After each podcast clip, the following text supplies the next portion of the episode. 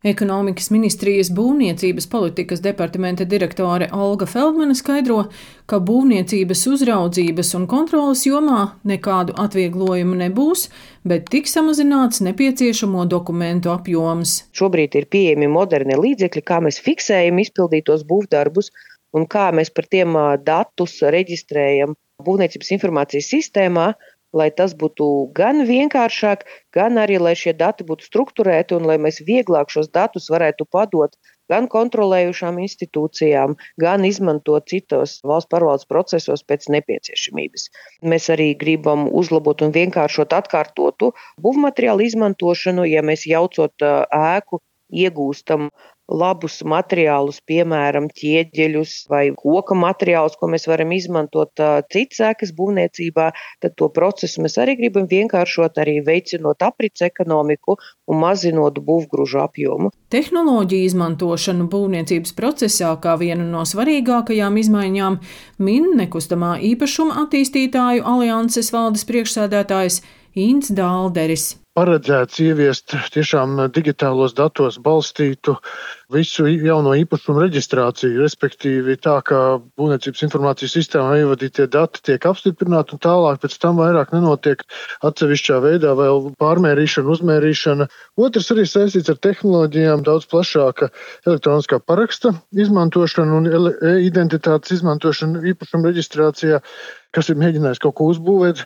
Latvijā tas zina, ka tieši jaunā vietā būvējot ir nenormāls skaits procedūru, kas tiek jāveic. Ir, un mēs tad gaidītu tomēr arī tālāko darbu, lai arī samazinātu ne tikai termiņus, ne tikai iesniegumu izskatīšanas laiks, bet tiešām pēc būtības ir iziet cauri visam tam nepieciešamajām procedūrām, lai šo skaitu samazinātu. Latvijas būvuzņēmēju apvienības vadītājs Edijs Kupčs vērtē, ka birokrātijas samazināšanas process būvniecībā ir tikai sācies un darāmā vēl daudz. Tas viss kopumā ir, protams, ļoti apsveicami. Mēs ar, ar, ar lielāko prieku piedalāmies šajās darba grupās, lai radītu šīs debirokratizācijas idejas kopumā. Bet, protams, mums ir vēl daudz lietas, ko darīt saistībā, piemēram, ar to pašu publisko iepirkumu.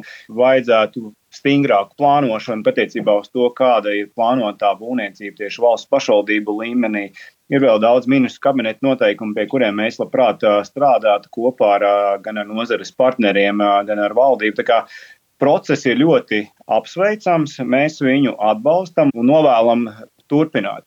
Salīdzinot ar citām Baltijas valstīm, Latvijā nekustamā īpašuma jomā būvniecības laiks ir krietni ilgāks, tāpēc nekustamā īpašuma attīstītāju alianses valdes priekšsēdētājam Intam Dalderim vaicāju, vai birokrātijas samazināšana veicinās ātrāku celtniecības gaitu. Ceram, ka tas vismaz par ceturto daļu vai 25% ja vispār to var izmērīt, tas vajadzētu samazināt šo procesu. Bet, nu, ja mēs eh, salīdzinām eh, mūsu biedri, eh, strādā arī mūsu kaimiņu valstīs, viņi saka, ja Lietuvā no zemes gabala iegādes līdz tam brīdim, kamēr var durt lāpstu zemē, tas ir apmēram gads, tad Latvijā tie parasti vidē ir vismaz divi un vairāk gadi.